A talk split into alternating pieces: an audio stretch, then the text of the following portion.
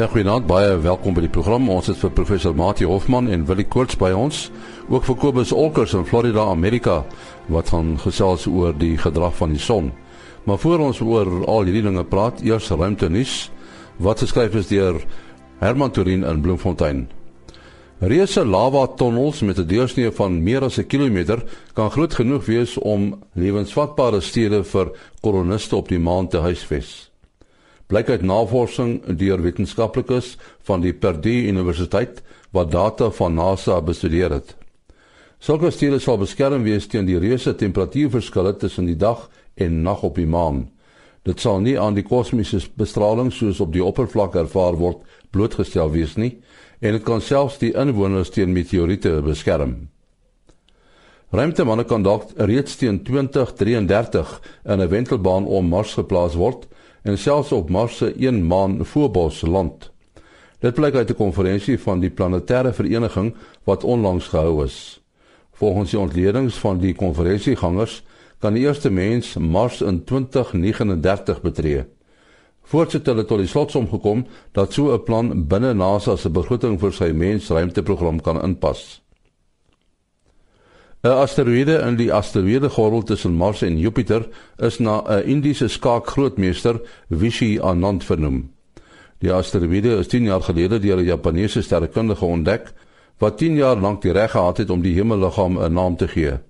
Toe dit na 10 jaar steeds nie 'n naam het nie, is dit deur Michael Rodenko van die Minor Planet Center, self 'n skaakentoesias, 4538 Vishy Anand gedoop.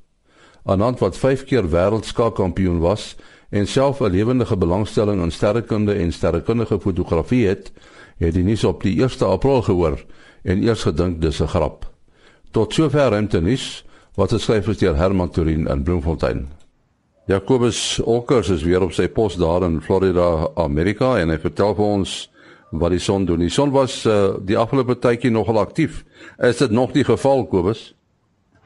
Ja, soos ons verlede week gesê het, het, ons toe die redelike groot filament gehad wat gedreig het om om op te styg en hy het dit toe gedoen en hy het toe redelike probleempies hier veroorsaak. Ehm um, hy is nou verby. Ons het nog steeds 'n ander baie groot filament wat besig is om te vorm. Hy's loop so omtrent 'n kwart van die son se so onderste kwart sou ek sê loop hy vol en dan is daar nog so enetjie nog hier so 'n paar honderd duisend kilometer suid van hom. Uh so daar is nog 'n bietjie moontlikheid vir vir vir aksie. Ehm um, dan het ons reeds al vroeër die week 'n M-klas fakkeltjie of 2 gehad van ons enigste baie redelik aktiewe area kie nommer 2320.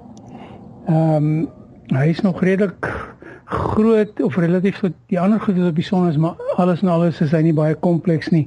So ons verwag nie baie probleme van hom af nie. Dan is ons uh korona gate het ons een of twee kleintjies wat wat maar net 'n bietjie agtergrondgras gaan verskaf. Ehm um, dit lyk asof daar aan die suide kant een is besig een besig is om oor die kant van die son te kom. Ehm um, wat redelik ver met die ondersuidelike halfrond opsteek en ek dink hy gaan vir ons hier so teen donderdag vrydag se koers dalk 'n bietjie probleme gee. So daar is ons storie vir die week. Jou uh, kontak besonderhede Kobus? Dis kobus.olkers@gmail.com. K O B U S O L C K E R S by gmail.com. Nee, Kobus Olkers op sy pos daar in Florida, Amerika. Ons uh, span is weer gereed. Dit is uh, is baie kort van die Suid-Afrikaanse Astronomiese Observatorium en professor Mati Hofman wat drie hoedens dra. Hy is van die Digitale Planetarium, die Universiteit van die Vrystaat en die Boyden Sterrewag. Uh, ek wil net so 'n bietjie praat oor uh, wat bo aangaan. Uh, ons uh, sien Venus op die oomblik aan die weste en uh, ek sien die ouens praat daarvan dat Venus gaan baie naby aan die Pleiades verbyskuif gaan ons dit sien wil jy? Uh ja, nee, dit sal vir ons mooi sigbaar wees. Venus is nou mooi die aandster in die weste, soos net na die son ondergaan. Um seker so 'n uur, uur en 'n half nog uh, na die son onder is, sien ons nog vir Venus en die sewe susters of die Pleiades is nou uh, die op die skof van die bil uh met Orion wat nou net bokant hom sit so ons somerkonstellasies is nou besig om weg te skuif. En um, ja so hierso so hier na die eintlik wanneer die uh, mense na die program gaan kyk gaan die uh, twee al seker onder wees of baie na die horison. En en dan is dit dit was eintlik al so gisteraand of die aand voor dit wat wat die twee die naaste op mekaar aan mekaar gewees het.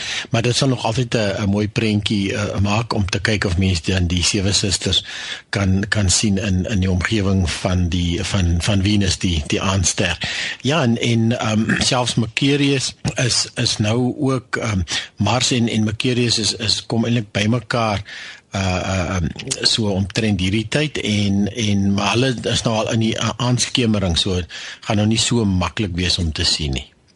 Ja, by sit nou net 'n uh, bietjie meer noordwes uh kyk vir Venus. Hy's nogal ver, verbasend ver noord van Wes op die stadium.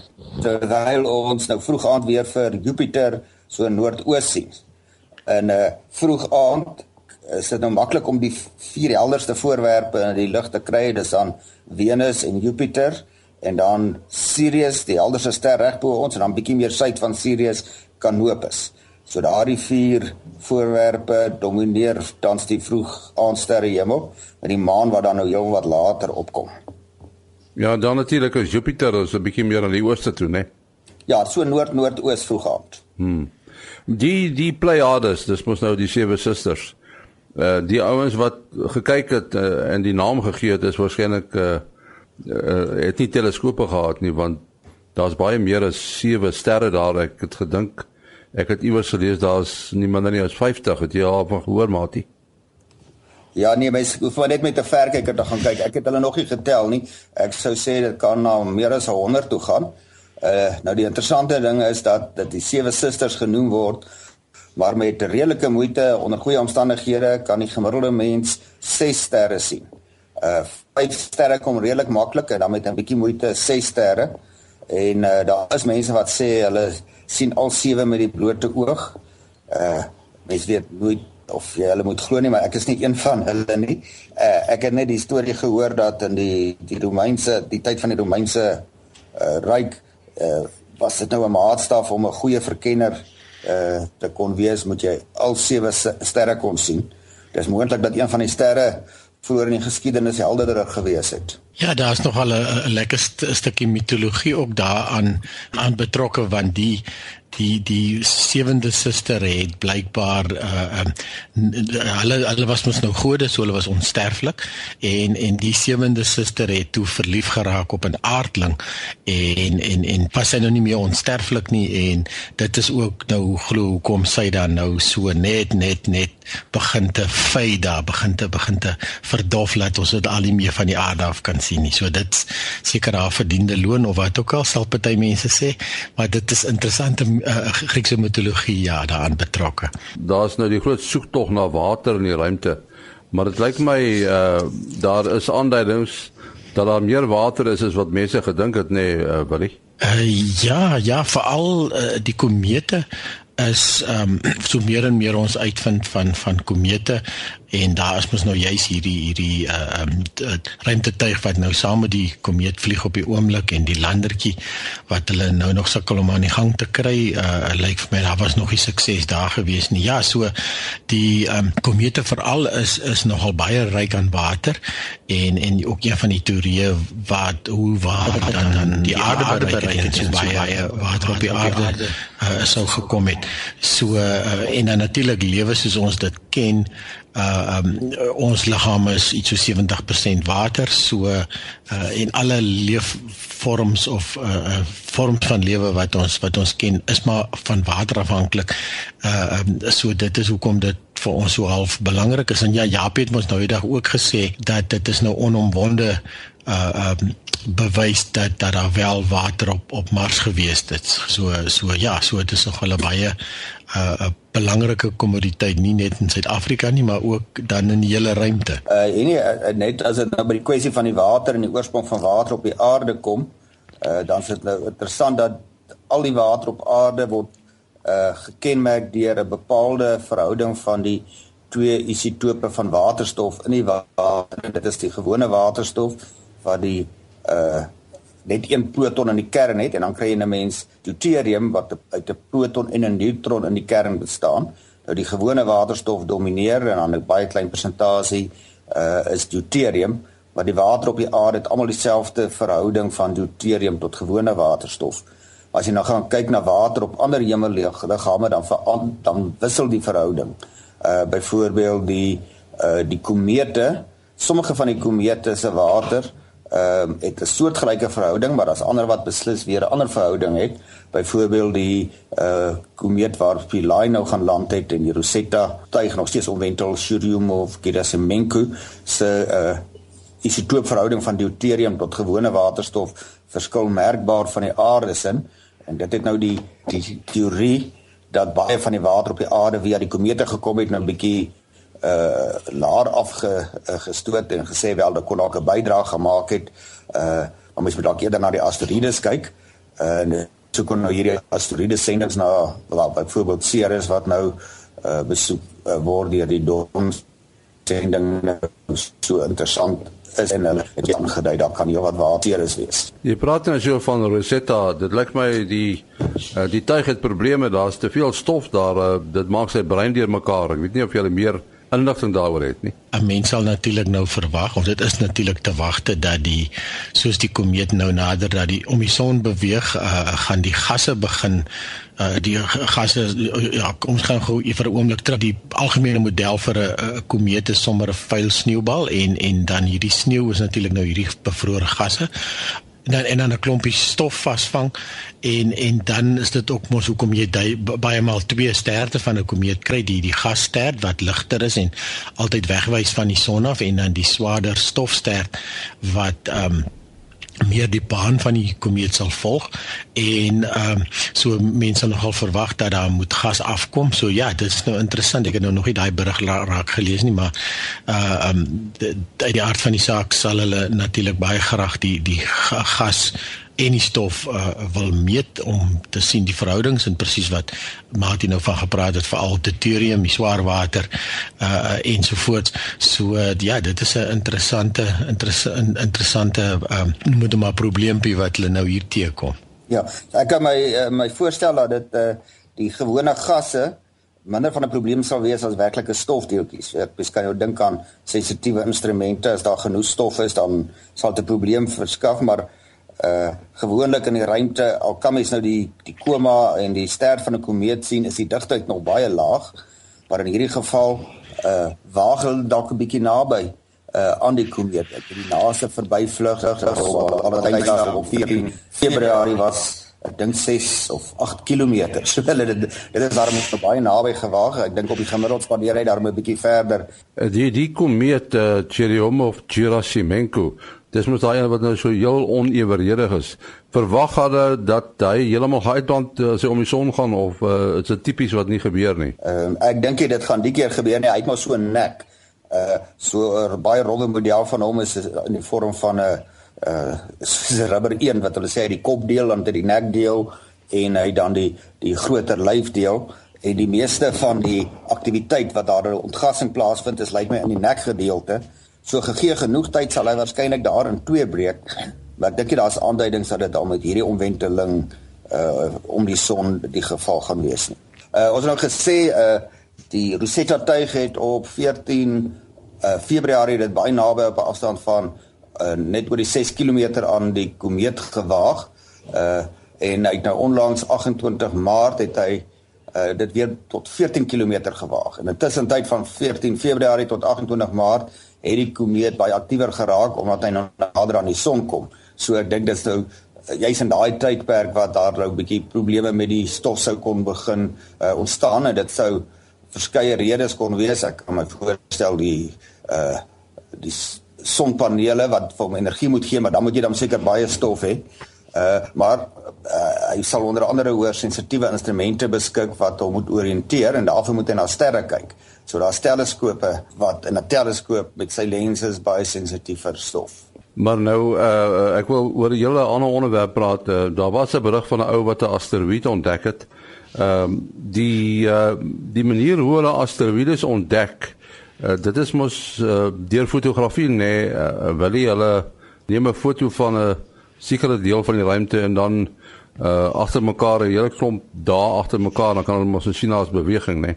Ja, ja, dis die tradisionele metode en dit is nog nie vreeslik baie verander die heel die heel eerste sou natuurlik uh um, amper met die blote oog. Eintlik uit Weste is die enigste wat ek weet wat regtig so helder raak dat dit met die blote oog sigbaar is en dit is die tweede grootste uh, uh asteroïde. Ceres is eintlik die grootste, maar dit is baie donkerder uh, materiaal. So deesdae het hulle natuurlik nou al die meeste van hulle ontdek. So dit is nou net die baie kleintjies wat nou ontdek word en hulle bane ons dink nou tipies aan die asteroïde gordel die tussen Mars en en Jupiter.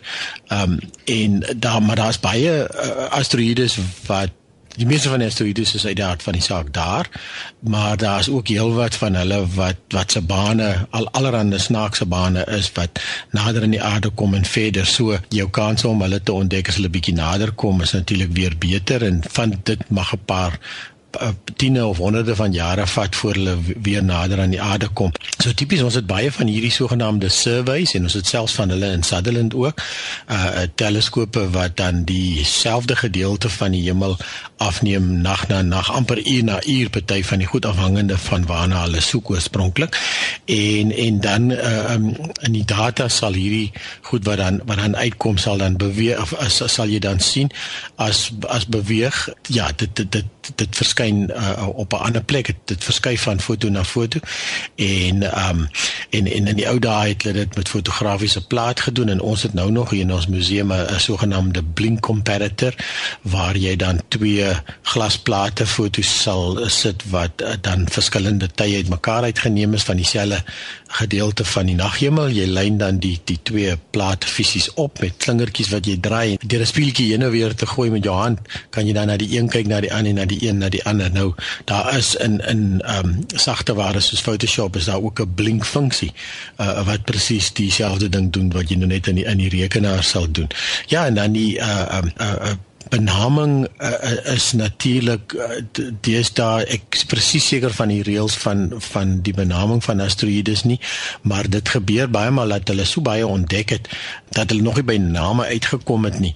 Klink my dit iets soos 10 jaar 'n uh, kans om om 'n benaming te gee.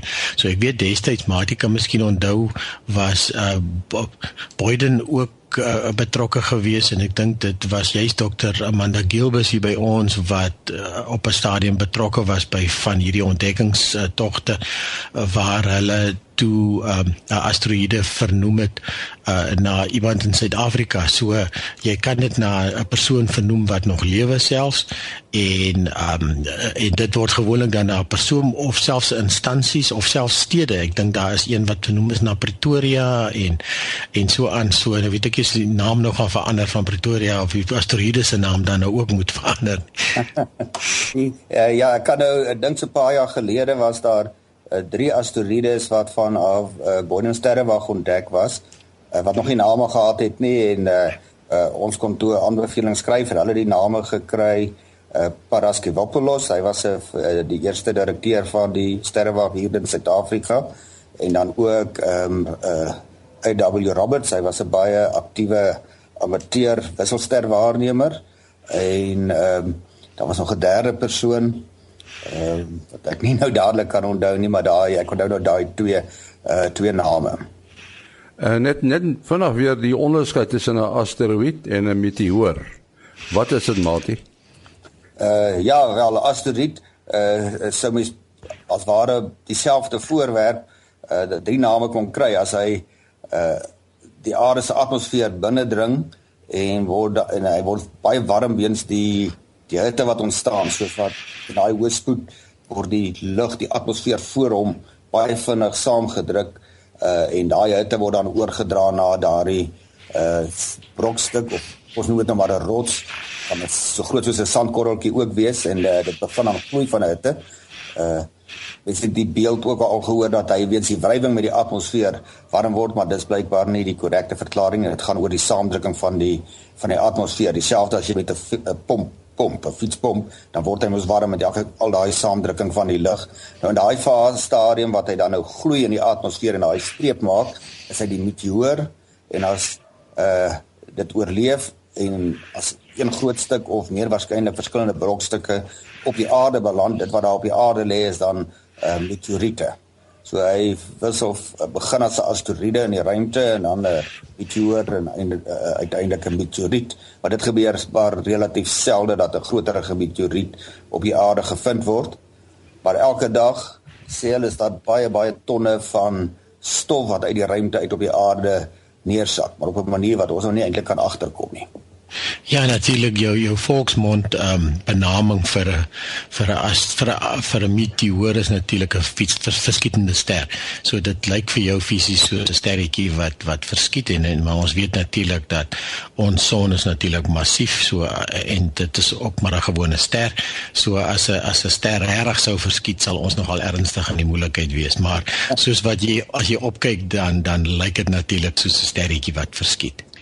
Ja, wat mense nie weet nie is dat baie van daardie sogenaamde verskietende sterre is maar omtrent so groot as 'n speld se kop, nee, dit is 'n geweldige uh, energieontlading wat wat hom so laat brand uh, laat hy so 'n streep maak. Ja, ja, en dit ja, sandkorreltjies, vierhoekie koppies lê by albaster grootte raak dan dan begin ons al seker te praat van 'n van 'n van 'n vuurbal uh, wat dan raak nou helderder as as Venus byvoorbeeld wat op sy helderste is. En ehm um, ja, en en dan die meeste van die goed brand natuurlik maar baie hoog in die atmosfeer uit uh, eh, 60 tot 80 km in die atmosfeer brand dit uit. So dit het gewoonlik geen geen direkte invloed op ons of geen geen gevaar nie. So ons word eintlik baie mooi deur die atmosfeer daarso beskerm.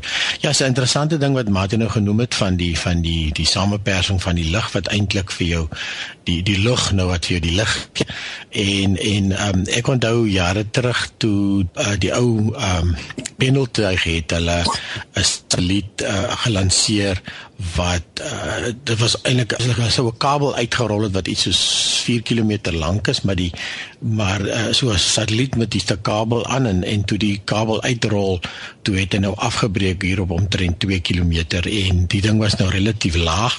Uh, want die pendeltuig kan mos maar iets soos 400 km bo kan die aarde gaan. En uh, dit was uit ongelooflik hoe hoe maklik sigbaar die stuk kabel was. En die kabel is maar is is maar uh, wat kan jy nou dinner dinner dinner se potlood. En en 'n mens dink nou op daai afstand gaan jy dit mos nou nie sien nie, maar dit was ongelooflik hoe dit amper soos 'n neonbuis gelyk het wat gloei daarso dan kan jy amper verstaan daar is interaksie. Die atmosfeer is eintlik baie baie dun daarbo.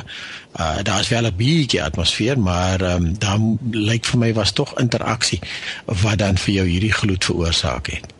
Ja, uh, en nie wat mense ook nie moet van vergeet nie, mense oog is 'n besondere instrument. Hy kan van taamlik helder lig tot baie baie dowwe lig hanteer. So behalwe dat daar dan nou noemenswaardige energie en hitte opgewek word, uh as die mense oog by uh, donkerte goed aangepas het, kan hy geweldig gedowwe voorwerpe tog sien. Natuurlik nie soos 'n soos deur 'n verkyker of 'n teleskoop nie. Maar ek dink amper uh wil jy uh dalk is dit nou net 'n legende, maar ek het gehoor het dat dat as jy nou by Sutherland is en dit is verskriklik uh waar dit verskriklik donker is, die maan is nie in die lug nie. Uh dan kan die uh, kan 'n kerslig op 'n baie groot afstand tog 'n skaduwee van jou teen 'n muur gooi. Ek weet nie of jy die storie meer akkuraat ken nie. Louis Barnes het altyd gepraat van die skaduwee van Venus af. Ehm um, en ek het nou nog nie die kersstorie beleef nie, maar wat ek wel beleef het van Sutherland af is dat jy jou eie skaduwee in die Melkweg kan sien. Nou uh, dan is jou oog natuurlik baie baie goed aangepas vir vir donker en jy het hom nou goed kans gegee, nooit vir eh, ten minste 'n halfuur of meer in wit lig gekyk nie, helder lig gekyk nie. Uh selfs as jy dan deur die teleskoop na of al jy sien klink nog nie dan nie, dit kry 'n maanlig nie, so die maan kom nie eintlik ter sprake nie, maar selfs deur dat deur na die maan in 'n teleskoop te kyk, uh, kan jy jou jou nagsig uh, belemmer. So uh, ja, dis ongelooflik hoe wonderlike mense oog eintlik is as jy as jy dit net as jy net weet wat jy moet doen en wat jy nie moet doen nie uh waar dit dan moontlik is om om jou eie skade weer in die melkweg te sien. Ja, dis dit is nogal 'n ondervinding en iemand van Engeland, twee sterrekundiges van Engeland het vir my dit kom wys hier in Suid-Afrika. So ja, baie wonderlike uh, ondervinding. Ja, dat mense so ver kan sien uh die feit dat uh, mense uh 'n relatiewe klein voorwerp soos 'n satelliet kan sien wat tipies sê 400 km bo kan die aarde wentel Dis eintlik die son wat wat op hom weer kaats nee, maar dit bly nog fantasties dat mense dit kan sien met jou blote oog. Ja, dit is 'n goeie illustrasie daarvan want mense weet tog net dis 'n uh, uh, gewoonlik maar net lig wat weer kaats soos vanaf 'n voertuig by spesiale geleenthede waar jy nou 'n sogenaamde flare of 'n flits sien, uh, is wanneer jy 'n spieelrefleksie kry vanaf die son uh, panele. Uh en dit sou mens baie keer sien as val nou met die iridium satelliete wat jy daar iridium flitsse kry, uh wat nou dan baie helderder word maar andersins is dit maar net 'n gewone weerkaatsing. Nou mense kan jou voorstel die satelliet is gewoonlik van 'n metaalagtige materiaal wat seker redelik goed weerkaats. Uh, maar is nog steeds op daai afstand van honderde kilometer uh, is dit maar 'n baie klein bietjie lig wat daardie uh, ooglensie van jou binne dring. Ja, want kyk selfs as die as die satelliet op die op die horison is dan dan is hy gewoonlik meer as 1000 km weg van jou af. En ehm um, dat wat natuurlik dan help ook hier is is die feit dat jy hierdie donker agtergrond het. So uh jy sal dit natuurlik nie dis hoekom ons ook nie die satelliete in die dag sien nie. Uh alhoewel van hulle kan amper helder helder genoeg word as ons net weet waar om te kyk vir al die soos die ruimtestasie. Ek ek het nog nooit gesien nie, maar ek sien hulle gee uh voorspellings op uh heavensabove.com van uh dagtyd iridium flitsse. Hmm. Dan praat ons van uh, helderheid hierso van 8 na um, of minus 8 na minus 9 toe. Ons moet ongelukkig uh, halt roep uh, mate jou besonderhede. Uh selfoonnommer 0836257154. En jy wil ek? Uh 0724579208. 0724579208. En my e-posadres maas.henny@gmail.com maas.henny@gmail.com. Volgende week is ons weer hier. Tot dan. Mooi loop.